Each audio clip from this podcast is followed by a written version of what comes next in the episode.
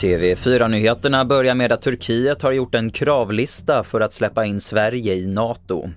Ett av kraven är att Sverige slutar ge stöd till de kurdiska organisationer som Turkiet anser är terrororganisationer.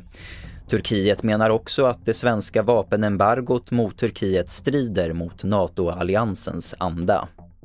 Så till Partille utanför Göteborg där det brinner i ett flerfamiljshus. Minst en person har skadats och förts till sjukhus och övriga boende har evakuerats. Så här säger Stefan Karlsson som är insatsledare på räddningstjänsten i Storgöteborg.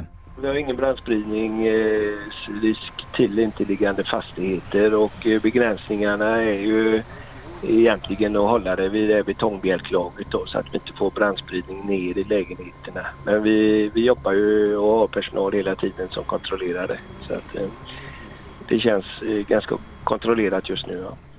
Och vi avslutar med att det inte finns något behov av en massvaccinering mot apkoppor. Det konstaterar Världshälsoorganisationen WHO. Apkoppor sprids inte lika lätt som covid och i det pågående utbrottet har ingen hittills blivit allvarligt sjuk.